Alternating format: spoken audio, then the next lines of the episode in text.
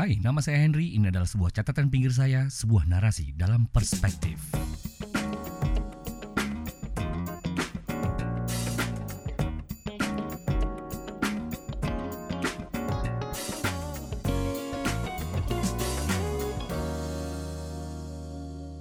Pak, nama panggung lu siapa?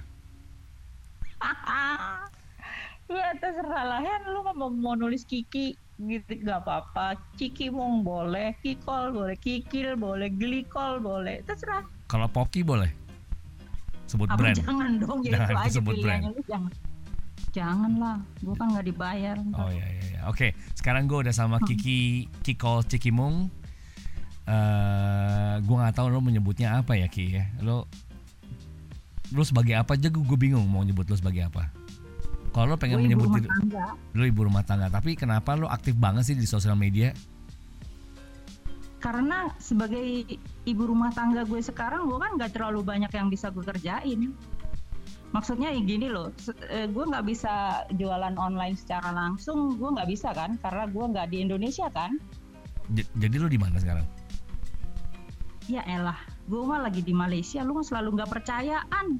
Orang-orang pada bilang ki lu di mana ki kalau gue bilang di, di Malaysia oh iya ya gue lupa gila gue bilang Kalau ya nggak dipul- begitulah kalau kondisi sekarang nggak dipulangin? karena gue laki gue kan kontraknya diperpanjang Oh, bersyukur dong lah ya. Bisa bersyukur. bisa- alhamdulillah Alhamdulillah bisa tetap jadi ibu rumah tangga kan? Iya, itu yang membahagiakan. Nah, Ki, lo Ya udah gitu. lo udah berapa lama di Malaysia?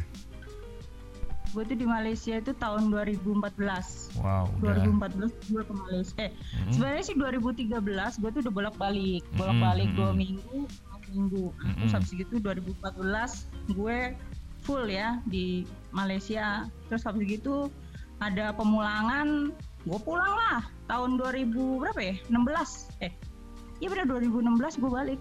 Oke. Dan lo Terus berarti 2017 balik lagi. 2017 balik lagi. Jadi total kurang lebih ya lo 6 6 tahunan, 7 tahunan ya. Ya, ya, ya, ya. Tapi beda kota. Beda kota. Dan lo status Oke. selalu ikut suami. Selalu ikut suami ya. Selalu ikut suami. Nah, yang menarik kan Ah. sebenarnya keberadaan lo di Malaysia, namun eh, dalam beberapa hal gue lihat sekali lo sangat aktif di eh, sosial media. Nah, sosial media lo tuh kayak ada dua gitu. Satu ngobrolin tentang politik bisa, ngobrolin tentang kaos bisa, ngobrolin Kaos? Iya. Kaos itu mah gue dagangan lagi. Oh, kalau kaos itu dagangan. Lo Oh, lu dagang kaos. Gue dagang kaos, gue Mm-mm. dagang batik, gue Mm-mm. dagang pernik-pernik. Tapi semuanya itu dikirim dari Indonesia. Oh, jadi Jadi sebenarnya gue cuma lu ibu rumah tangga atau pedagang sih? Pedagang juga gue. Lo pedagang juga ibu tapi, rumah. kal- Oke. tapi dagangan gue itu ada di Indonesia. Di yang Indonesia, pegang sih oke. orang di rumah gitu. Oh, oke. Bingung kan lo? Bingung kan? Bi- Bingung. ya lo pasti. bingung. Ya apalagi yang dengerin podcast ini juga bingung sebenarnya lo ngapain? Lo status ibu rumah tangga, lo dagang juga, lo aktif juga. Iya. Dan lo Iya. kadang-kadang suka ke Jogja, ke Surabaya ikut konferensi origami, Konvensi. Oh, bukan konvensi. konvensi origami. Heeh. Nah, lo Mm-mm. sebagai apanya? Pembicara apa peserta? Eh, gue tuh di komunitas origami itu sebenarnya gue tuh cuman ikutan aja ya. Cuman tuh udah gitu kan origami Indonesia itu udah ini nggak apa-apa nih ngomongin origami gue sekalian promosi. Ya nggak apa-apa kan kita ngobrol namanya sama Cikimung Kikols Kiki Emeralda. Oke. Jadi di origami tuh gue ikut komunitas diajakin. Nah terus udah gitu karena sekarang saya suka origami gitu ya. Eh, dan suka kertas. Is- i- aslinya gue tuh suka kertas. Jadi suka mainan kertas. Jadi tentang kertas apa aja gue suka. Nah terus ada komunitas origami Indonesia gue ikutan. Tapi gue nggak aktif. Dan gue nggak jago. Nggak jago banget. Nah cuman terus kemudian ada temen yang berangkat ke konvensi di Jepang. Nah terus mereka tuh selalu ditanyain Indonesia punya nggak sih kayak asosiasi atau apa dan lain sebagainya dan lain sebagainya. Terus ditanyain juga pernah nggak sih Indonesia itu a- mengadakan konvensi origami? Nah dari situ akhirnya karena pada ngomongin konvensi terus gue bilang ya udahlah kita bikin aja yuk. Akhirnya teman-teman pada mau bikin karena yang paling nganggur waktu itu gue jadi gue jadi ketua itu yang pertama Jadi lu adalah ketua origami Indonesia yang pertama. Bukan, bukan, bukan, bukan, Apa? bukan. Ketua konvensi Oh, origami ketua Indonesia. ketua on- konvensi origami Indonesia yang pertama. Pertama gue. Jadi lu adalah Jadi orang gue- yang menginisiasi origami di Indonesia. Secara Kita- konvensi ya. Kita ber kita berenam, berenam, berenam itu. Yang Oke. punya ide itu, eh, ntar, ntar, ntar, gue hitung. Takut salah ntar pada marah ya. Satu, dua, tiga, empat, lima, oh tujuh, tujuh sama gue. Tujuh sama lu ya. Oke. Ah, ah. Nah, eh, apa namanya? Apa sih yang menarik buat lo di origami? gue menariknya di origami karena gue suka kertas pertamanya. Terus keduanya karena gue suka kalau misalnya ada keponakan sepupu yang kecil-kecil tuh kan gue suka menggunakan mereka. Itu kan dengan origami. Origami itu kan kayak magic buat anak kecil kan. Dari selembar kertas bisa jadi macam-macam. Cuman itu aja nggak nggak- gue mah nggak terlalu rumit. Eh kalau anak sekarang origaminya pada rumit-rumit gue mah yang caur tetep yang yang tradisional dan gampang gitu. Seperti misalnya dari selembar kertas atau sepotong kertas ini lu biasa jadiin apa? gue yang paling gampang jadiin strawberry lah. Karena gue bisa nyuruh anak kecil itu buat niup. Habis tiup ketawa-ketawa. Dia habis gitu ya 5 menit hancur. Nggak apa-apa. Tapi yang penting mereka kan seneng. Oke, oke. Dan menurut lo ada gunanya nggak sih origami ini? ya ada dong kan di beberapa di beberapa universitas dia jadi itu jadi apa jadi tes masuk kan Oh ya?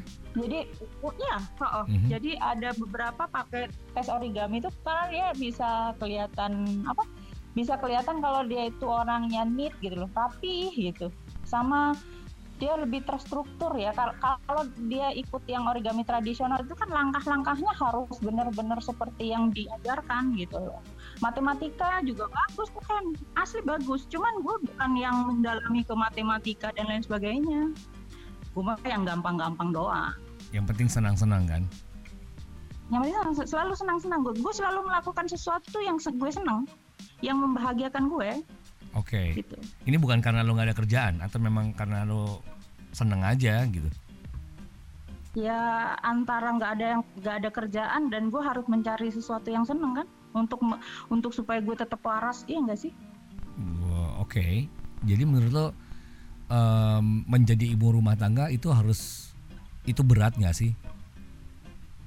ya lihat-lihat ibu rumah tangga lihat-lihat suami lu juga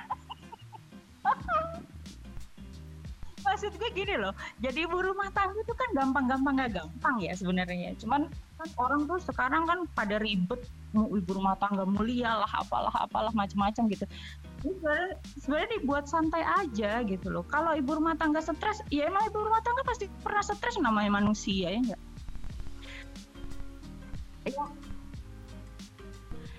yang yang membuat gue, gue tuh jarang stres sih ya jarang sih nggak terlalu sering gitu. Karena gue banyak pelarian kan Oh ya? lah gue lah gue ke supermarket aja happy. Gimana mau stres coba? Oke, oke. jadi sus- jadi susah. Gue jarang lah. Karena gue gue mikirnya gini. Eh Mhm. gue itu punya punya keluarga punya sahabat di mana mereka itu sering curhat sama gue kan. Ya kan? Nah sekarang lu pikir kalau saya itu stres ini orang-orang ini mau curhat ke mana? Gitu. Ya cuman itu aja yang membuat gue nggak stres. Jadi gue selalu bilang bahwa gue gue jangan stres. Gue kasihan sama nyokap gue sama sahabat gue sama siapa siapa nah kalau mereka mau cerita sama gue terus gue aduh gue lagi stres nih lu jangan cerita sama gue. Kan kasihan Oke. kayak lu misalnya lu ada masalah gitu misalnya. Terus lu bilang ih gue mau curhat dong.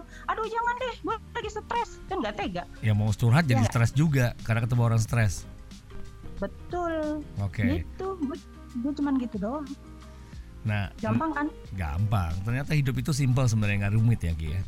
simple simple Simple. simple banget Oke. karena se- karena sebenarnya gue selalu bilang ke temen gue lu tuh harus tahu membuat mekanisme bahagia di dalam diri lu sendiri gitu loh jadi lu harus kenal sama diri lu ketika lu stres lu udah tahu tuh mekanisme lu supaya untuk bahagia gimana gitu ya makanya gue bilang itu kan manajemen poya-poya yang gue sering tulis di di di Facebook itu kan sebenarnya kan cuma ngasih tahu bahwa lu bisa kok bahagia gitu. Poya-poya juga nggak harus mahal gitu kan maksud gue nggak harus oh harus begini loh oh harus begitu. Enggak. Karena ada pelariannya kan macam-macam kan ada yang ngobrol ada yang bikin craft ada yang hobi ada yang jalan itu kan gitu. Kenapa nah, jadi serius ya gue ngomongnya? Ya enggak. Ini kan gue cuman mau ngeliat dari berbagai macam perspektif lo sebagai okay, ibu okay. rumah tangga ya kan oke okay. tapi dalam uh-huh. perjalanan lo nggak mungkin lo nggak sekolah kan pasti lo sekolah kan ya sekolah lah lo sekolahnya apa sih sebenarnya STK SD SMP SMA uh-huh. kuliah kuliah lu apa sebenarnya? Perkapalan. lu kuliah perkapalan. Uh-uh. Lu perkapalan, te- teknik perkapalan. Teknik perkapalan. Tapi ya. kenapa lo ngerjain origami kan nggak nyambung juga origami sama teknik perkapalan? Aduh, ya gue sebenarnya itu kan pas pas baru, uh, gue tuh abis lulus kan masih kerja. Terus habis itu kerja, terus bokap gue nawarin sekolah lagi gue sekolah lagi karena gue pikir kerja di galangan itu gue cewek gitu ya. Mm-hmm. Ya apalagi lo cewek ya. Oh, ya. Tapi ya, kan nggak ya. membatasi bahwa kerja di kerja di mananya bisa sebagai orang cewek orang ya, masuk ya, teknik. Bisa bisa bisa bisa bisa bisa. Cuman mm-hmm. gue kalau ngambil S2 perkapalan kayaknya otak gue juga nggak nyampe kali ya. Maksudnya susah gitu kesannya gitu. Jadi gue ya bukannya gue mau bikin bilang bahwa oh ini terus Kiki cari ilmu yang gampang enggak juga gitu karena memang mau pindah juga maksudnya mau pindah mau pindah yang ditekuni gitu akhirnya gue kan ambil komunikasi kan nah terus menikah terus balik nah terus begitu dari sekian banyak per, pembicaraan dengan suami ya karena namanya juga menikah itu juga kompromis antara dua orang ya enggak Nah, dia minta gue nggak kerja full time, artinya 9 to 5. Maka gue pun uh, menerima dengan sekian banyak argumen bla bla bla akhirnya gue jadi part time part timer part time lah pokoknya kerja part time apa aja yang bisa gue kerjain intinya gitu jadi lu jangan tanya ke gue pernah ngapain aja banyak banyak banget saking lu ingin bahagia kan lu memilih untuk bahagia maka apa juga lo kerjain uh, memilih untuk bahagia dan ngisi hidup lah. Kalau cuma ingin bahagia, gue foya-foya terus juga bisa kan? Tapi apa iya cuma gitu doang? Ya enggak? Oke, okay, oke. Okay. Nah ada nggak sih teman-teman lo yang masih fokus di dunia perkapalan Ki? Ah, banyak teman gue udah udah udah pejabat-pejabat semua. Lo ya kan, gue aja yang, yang kacau. Lo kan juga pejabat rumah tangga semua diatur oh, sama iya, lo, iya, iya. ya kan? Iya iya iya. Ya, ya gue gue gue konsisten di situ. Okay. Gue konsisten sebagai ibu are-are lah. Maksudnya. Ibu are-are. Mm -mm, jadi maksudnya ya gue tetap aja kayak dulu gitu ya oh lu curhat sama gue mau curhat apa aja juga nggak apa-apa santai gitu oke okay, oke okay. Nah dari pengalaman hidup lo Niki mulai dari tadi lo sekolah kemudian lo dari teknik perkapalan kemudian lo kemudian menikah tinggal di di berbagai di beda negara di di luar negeri gitu oh, kan? belum berbagai Sen cuman baru dua Indonesia sama Malaysia ya, doang. Lu jangan berbagai berbagai yang terbanyak ya kan, berbagai itu kan antara Indonesia sama udah beda pada satu kan berbagai kan? Ya oke. Okay. oke okay, nah lo tinggal di Malaysia. Dan apa sih pengalaman hidup lo yang paling menarik gitu buat lo dan mungkin juga worth it buat didengerin oleh pemirsa podcast ini di mana di sel selama lo sepanjang hidup sepanjang hidup gue menarik, menarik semua. Ambil pilih satu deh. Yang paling gue, aduh apa ya? Tar tar tar tar. Se Sebenarnya tuh gini, gue tuh yang paling menarik itu karena pada suatu masa di dalam hidup gue sekitar tahun 2005 itu gue pernah ngajar anak-anak di sekitar rumah. Nah dari situ gue belajar tentang anak-anak. Ya. Kenapa sih anak-anaknya bisa happy happy aja gitu? padahal mereka juga bukannya nggak punya persoalan kan kepengen es krim juga nggak dapat kadang-kadang ya kan kepengen ini juga nggak dibeliin itu karena mereka tuh gampang melupakan gitu itu yang yang yang, yang pertama gampang move on ya Terus, ya kalau ceritanya nah ah mungkin ya ya kalau kalau kalau kalau sekarang mungkin dibilangnya seperti itu. Terus mereka tuh kayaknya tuh kayak lebih oke okay deh gitu kayak misalnya misalnya nih ya sebenarnya anak-anak tuh bisa diajak ngobrol loh jangan, jangan salah ya. Karena selama ini mereka orang-orang selalu nganggap bahwa anak-anak tuh nggak bisa diajak ngobrol. Gue tuh gue tuh ngajarin anak-anak yang di di sekitar rumah gue tuh misalnya mereka minta ini gue nggak ngasihin itu gue gue kasih tahu ini nggak bisa karena begini begini begini. Jadi kayak gini. Dan gue jelasin dan mereka pasti bilang oh iya deh nggak apa-apa yang ini aja gitu. Jadi mereka tuh sebenarnya apa ya dia menyesuaikannya tuh lebih gampang dan cepet simple gitu. Ya karena memang memang karena memang otaknya itu belum belum diisi macam-macam mungkin ya. Jadi pilihannya juga nggak terlalu banyak mungkin ya. Itu yang yang yang pertama. Terus mereka juga gampang move on terus mereka juga gampang selesai dengan itu. Cuman mereka karena karena itu mereka tuh punya feeling di mana mereka tuh tahu kalau gue lagi nggak seneng mereka akan cepet pulang loh. Jadi kalau misalnya gue lagi ada pikiran gitu ya stres gitu ya itu mereka kerasa loh. Mereka datang terus mereka langsung ngeliat muka gue terus mereka bilang saya nggak lama ya bu di sini ya bu. Saya sebentar aja. Biasa kayak gitu. Jadi menurut gue banyak-banyaklah belajar dari anak kecil gitu. Misalnya bagaimana mereka bisa happy dengan lingkungan yang sedikit. Bagaimana mereka bisa happy dengan dengan apa fasilitas-fasilitas yang minim gitu. Mereka happy happy aja. Atau... jadi atau jangan-jangan anak-anak itu sebenarnya lebih pandai bersyukur dibandingkan orang dewasa? Mungkin bahasanya begitu. Mungkin bahasa bahasa kitanya gitu. Maksudnya mereka tuh lebih neriman ya kalau orang Jawa ya. Saya lebih ya deh adanya ini ya ini. Karena gue gue juga dulu kan bukan gue juga dulu bayarannya kan juga nggak terlalu mahal dan dan semuanya gue kembalikan ke mereka ya. Jadi gue gue juga beli mainan itu mainan-mainan yang sebenarnya itu nggak nggak mahal nggak nggak beli Lego gue nggak mampu. Tapi gue ajak mereka ayo kita ngitung ini ayo kita ini ayo kita itu. Jadi memanfaatkan apa yang ada itu yang pertama. Yang kedua uh, gue suruh mereka untuk berani ngomong. Jadi untuk berani ngomong untuk berani berekspresi. Jadi setiap setiap minggu tuh mereka harus bercerita minggu itu dia ngapain aja gitu loh.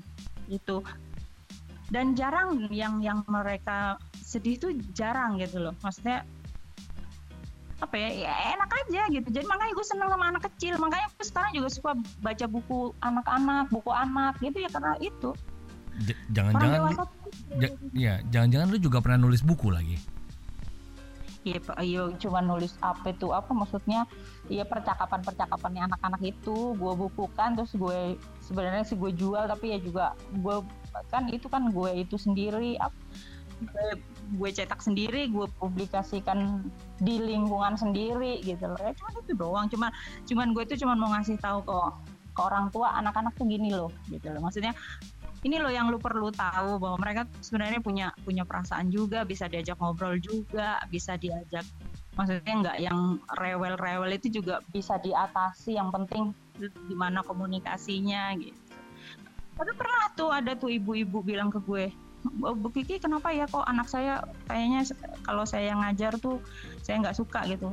Saya kok senewen gitu sama anak saya. Ya gue bilang sama dia ya lu senewan ya wajar lalu ibunya gue bilang. Kalau gue kan guru gue kan nggak kepikiran nih anak gue cuma punya target maka saya akan mendidik anak saya seperti ini gitu. Kalau ibu-ibu kan lebih senewan jadinya kan lu kayak lebih gimana gitu. Nah itulah yang ngebuat nggak nyaman gitu. Jadi kadang-kadang karena kurang slow aja hidupnya orang yang ribet ini gitu loh jadi harus slow itu perlu. Uh-uh. Slow itu perlu, bahagia itu perlu ya. Slow itu perlu, bahagia itu perlu, tapi jangan lupa lu kudu ngisi juga hidup lu biar nggak nggak kosong. Nanti lu pas nyari-nyari apa arti hidup gue, ah mati lu. Nah kalau buat lu arti hidup lu apa? Arti hidup gue mah gampang kan asal orang-orang yang yang yang deket sama gue happy, gue mah ikut happy. Oke. Okay. Dan oh dan gue tuh dan gue dulu dari dulu saya tuh selalu berusaha untuk ngasih yang terbaik dalam kondisi yang paling buruk sekalipun. Jadi gue tuh akan berusaha untuk ngasih yang terbaik atau atau kalau enggak ya memang saya nggak akan saya akan mundur gitu. Kasarnya kalau gue nggak mampu gue nggak akan maksa gitu. Ya gue gue mampunya cuma menerima curhatan orang ya gue akan lakukan itu dengan sebaik sebaik baiknya selesai. Gue nggak akan tuh berusaha menjadi misalnya apalah apalah kagak. Ya meskipun misalnya yang saya bantu cuma lima orang ya lima orang aja gue kerjain. Tapi tapi menurut gue itu gue sudah memberikan yang terbaik. Effort yang paling bisa gue kasih terbaik ya udah itu doang.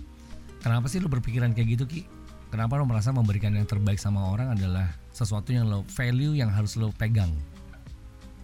Karena uh, karena gue ngerasa dari kecil tuh gue selalu happy ya. Maksudnya gini loh. Gue tuh ngerasa uh, Tuhan itu sudah terlalu baik sama gue gitu. Uh, ya bukannya gue nggak nggak pernah dicoba gue bukannya nggak pernah stres gue bukannya nggak ada ujian cobaan dan lain sebagainya pernah.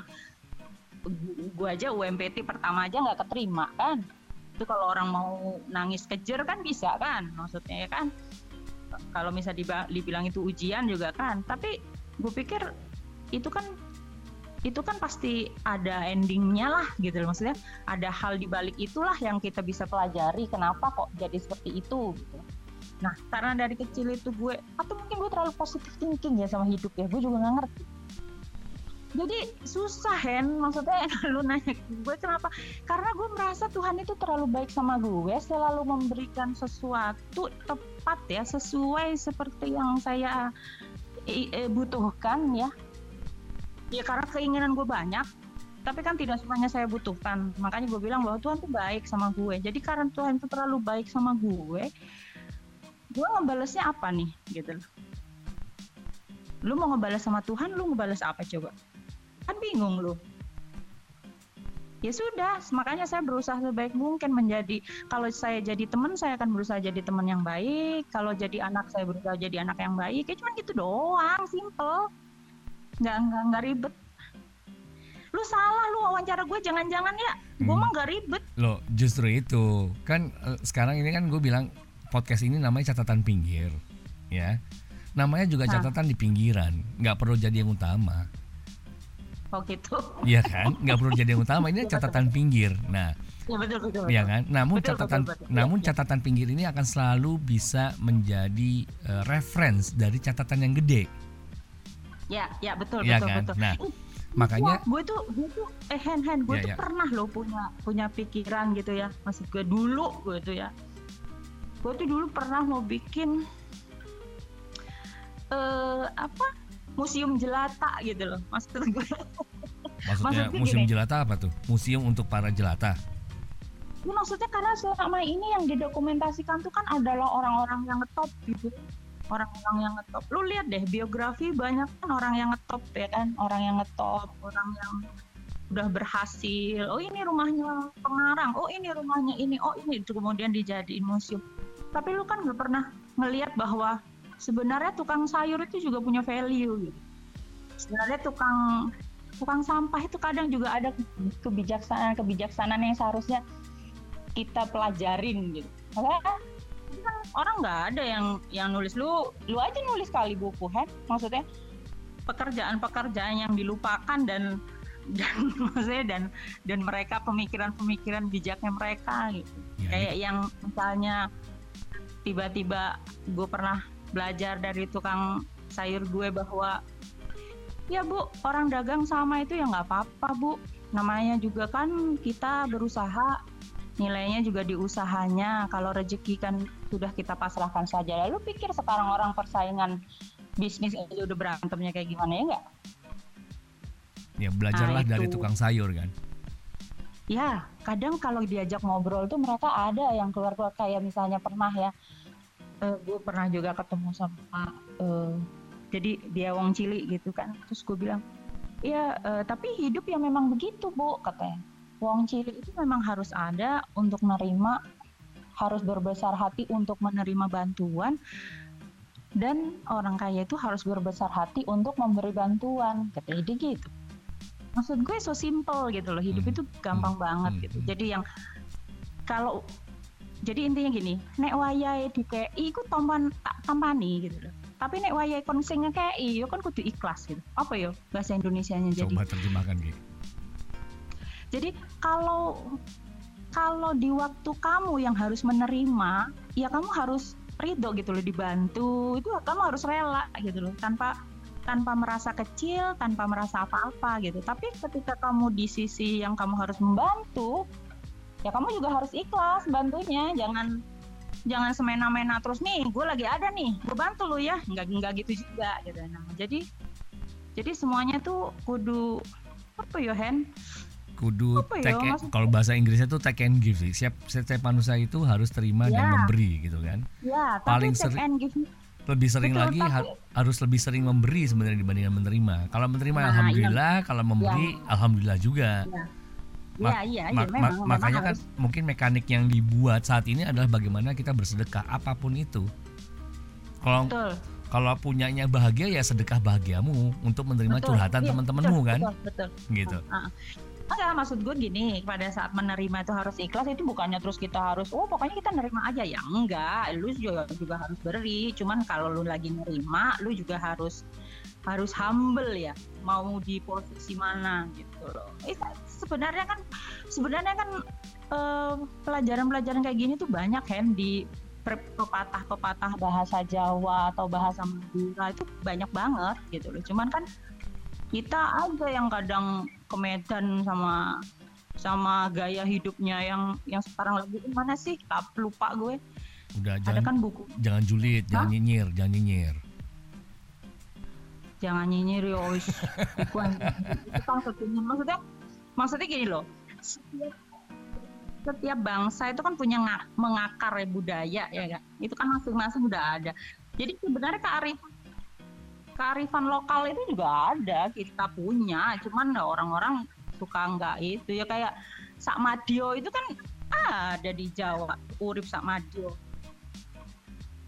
Itu ada. Nah kayak gitu kayak gitu kan jarang orang mau mikir gitu loh. Ya, ini kan sebuah udah Nah, ini kan sebuah pemikiran dari ibu rumah tangga yang lama di luar negeri. Coba bayangkan kalau kamu adalah ibu rumah tangga tapi di Indonesia, apakah kamu akan memikirkan hal yang sama, Ki? Eh mungkin lebih kepada umur juga kan jadi eh ya kalau udah udah nambah umur itu jadi benar itu life begin at 40 itu kan karena eh, setelah di 40 itu kita lebih kalem. Nah, kalau orang Jawa itu wis gak kemerungsung gitu sudah nggak ya kemerungsung tuh bukan kemerungsung itu kayak Mikirin kalau misalnya lu kepengen pengen sesuatu tuh kayak uh gitu loh. Apa ya? Aduh lu bingung gue ngomongnya ya gitu. Jadi kalau 40 tuh udah santai gitu. Mau marah juga kita udah ya lapo sih katanya marah gitu loh. Ngapain sih mau marah-marah? gitu kan. Apakah marah itu bisa menyelesaikan? Nggak juga kan gitu loh. Jadi marahnya tuh dikeluarinnya jarang-jarang banget gitu sekarang gitu. Oke. kalau masih umur 20 30 gue wah Apa? ya nggak kayak gini wawancaranya Nah, tapi dua dua puluh iya ya, tapi anyway kan ini sebuah insight yang menarik ya, Ki ya. Eh, dan aku gue sih terima kasih banget lo mau berada di catatan pinggir dan menjadi pinggirannya aja. Eh, demikian juga gue karena karena tadi dari setiap orang sebenarnya kalau kita berkomunikasi kita ngobrol pasti kita kan selalu mendapatkan hal baik dan hal bagus kan betul. Iya kan? Dan betul. Tapi Mm, tapi itu juga tergantung kepada siapa yang mau belajar kan kalau lu lu ngobrol sama orang gitu ya terus lu di awal udah underestimate lu di awal udah dia emang dia bisa ngasih apa sih sama gue gitu itu nggak akan dapet nggak akan dapet. Jadi begitu. Maaf kalau gue potong-potong omongan lu ya. Ya bukannya apa-apa. apa nggak apa-apa. Karena kan memang kenapa alasannya kenapa gua undang lo untuk datang podcast ini adalah memberikan sebuah perspektif yang beda dari kebanyakan perspektif yang sudah ramai saat ini di sosial media yang lo sampaikan Iya kan, yang yang lo sampaikan ini hal-hal basic dan standar sebenarnya, namun sering kali terlupakan. Iya karena karena sekarang itu kan orang banyak yang mikirnya itu ndaki-ndaki gitu kalau orang Jawa. Jadi mereka tuh mikirnya tuh terlalu kedukuran gitu, terlalu tinggi gitu. Tapi lupa bahwa hal-hal yang simpel tuh sebenarnya lebih lebih enak gitu loh. Maksudnya lebih gampang gitu. Ya itu. Jadi dari berkomunikasi itu kan kita bisa belajar ya kan Hen. Nah, kalau syukur-syukur kalau temen lu itu bisa guyon kayak gue kan bisa ketawa-ketawa gitu kan. Nah, makanya silaturahmi itu memperpanjang umur Hen gitu karena itu. Tapi kalau misalnya lu ketemu berantem gitu ya kagak kagak memperpanjang itu mah nambah. Ma- Nambah pusing ya, nambah pusing. Ya anyway, Ki, terima kasih banyak atas insight-nya nih sangat sangat apa ya, sangat eh, indah banget dan nggak banyak ya semoga bisa memberikan inspirasi buat banyak orang dari berbagai macam perspektif ini seorang perspektif dari seorang Kiki Emeralda Kikols Iya. yang eh, tidak hanya pernah tinggal di Indonesia tapi juga sekarang tinggal di Kuala- di Malaysia ya Malaysia bukan Kuala Lumpur oh ya ya. Malaysia Malaysia nah Mm-mm. eh, kalau orang mau tahu Kiki nih bisa ngikutin ke sosial media lu di mana Ki kali kan pengen kepo nih Instagram gue kan ada Cikimung. oh Instagram lo Cikimung kalau Twitter lo. Twitter, aduh Twitter itu omongan gue ancur-ancuran ya. Ancuran ya? Kikos. Nggak apa. Tapi sebenarnya lu cari di mana aja Kiki Emeralda itu keluar loh, di mana aja. Jadi cari di mana aja Kiki Emeralda, ibu rumah tangga Indonesia yang ada di Malaysia itu akan hadir. Iya kan?